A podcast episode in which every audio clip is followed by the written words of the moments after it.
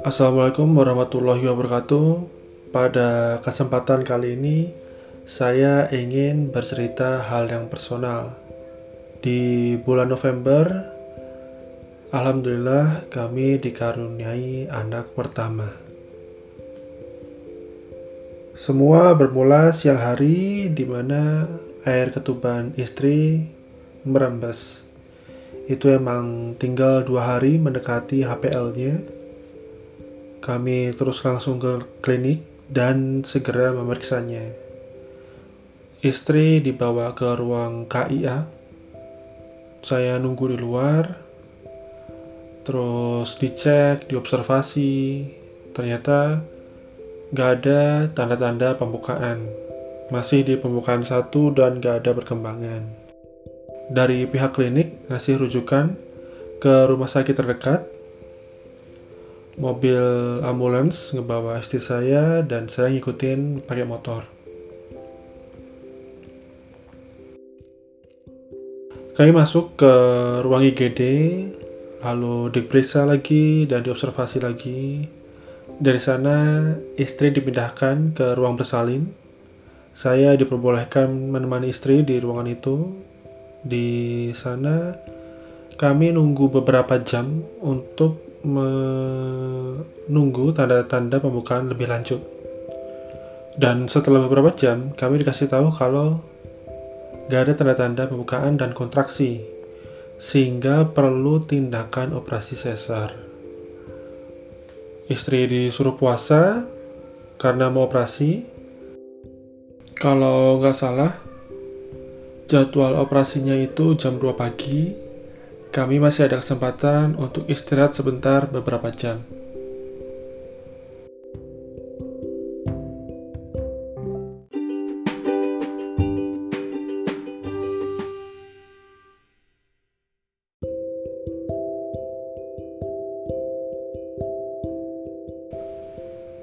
Esoknya, pukul 1 pagi, kami diminta untuk bersiap ke ruangan operasi. Di sana, saya masih diperbolehkan untuk menemani istri. Kami menunggu lagi sekitar 45 menit.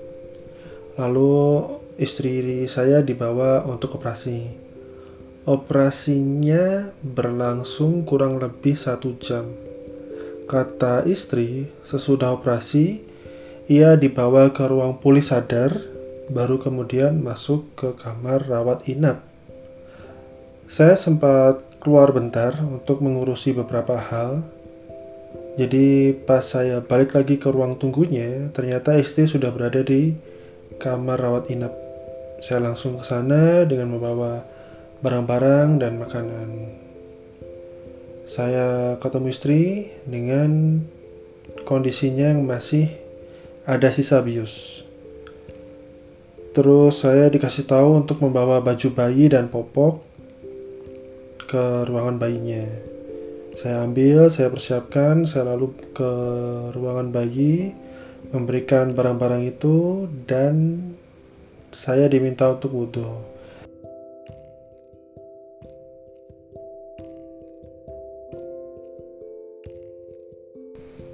Nah, di situlah saya pertama kali melihat dan bertemu anak saya. Panjangnya 52 cm dan beratnya 3,4 kg. Perasaannya itu nggak bisa digambarkan karena ada rasa senang, bangga, dan haru. Akhirnya, saya bertemu bayi yang sudah dikandung istri selama 9 bulan. Saya azan perlahan di telinga kanannya, saya bacakan dengan lembut, dengan hikmat. Kerasa setiap lafal azan yang keluar itu kayak dari hati yang terdalam.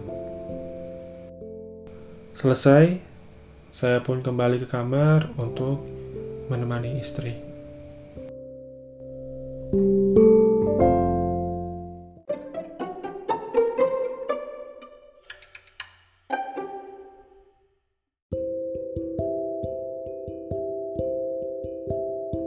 Sore hari, masih di hari yang sama ya, anak kami baru dibawa ke ruangan kami berada.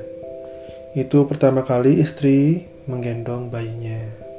Katanya perasaannya ya bercampur-campur sama setelah melewati proses yang panjang alhamdulillah anak sehat istri sehat semuanya berjalan dengan lancar cerita persalinannya sudah selesai sekarang kami memasuki lembaran cerita baru sebagai orang tua menjadi ayah menjadi ibu istri masih masa pemulihan nanti masih harus kontrol ke rumah sakit yang sama Begitu juga dengan anak kami. Secara cerita mungkin terasa singkat ya, tapi proses yang sebenarnya sangat panjang dan sangat melelahkan. Seperti saat kami menunggu kabar observasi itu butuh berjam-jam. Di klinik itu butuh berjam-jam nunggunya, terus di IGD itu butuh berjam-jam nunggunya, di ruang bersalin itu berjam-jam lagi nunggunya. Pas operasi itu ya nunggu lagi pas udah lahiran selesai masih nunggu lagi baru akhirnya ketemu bayinya jadi sangat-sangat memakan waktu dan tenaga dan emang ya mau gimana lagi emang persaingan kayak gitu terus um, saat saya harus mengurusi administrasi jadi kami cuma berdua dan saya emang mau gak mau dan emang harus siap untuk mundar mandir ngurus administrasi terus beli obatnya terus beli makan terus pas balik ke kamar rawat inap harus siaga jaga istri dan anak.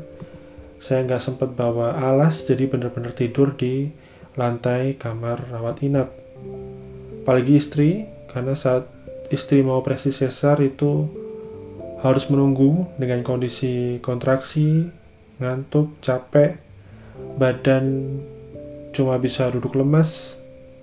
Saat disuntik bius itu katanya 2 sampai 3 kali. Uh, kata istri suntikan pertama itu sakit banget sampai harus dipegangin oleh perawat. Selesai operasi, saat sudah di kamar rawat inap, istri pun sempat ngalamin bengkak besar di tangannya. Tapi alhamdulillah um, uh, diurus perawatnya ya dan udah mendingan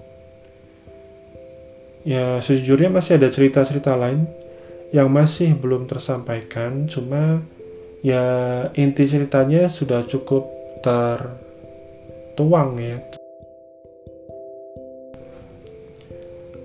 semoga anak kami menjadi anak yang soleh berbakti kepada orang tua taat pada agama terus mau belajar menjadi pemimpin yang baik dan bermanfaat bagi dunia akhirat.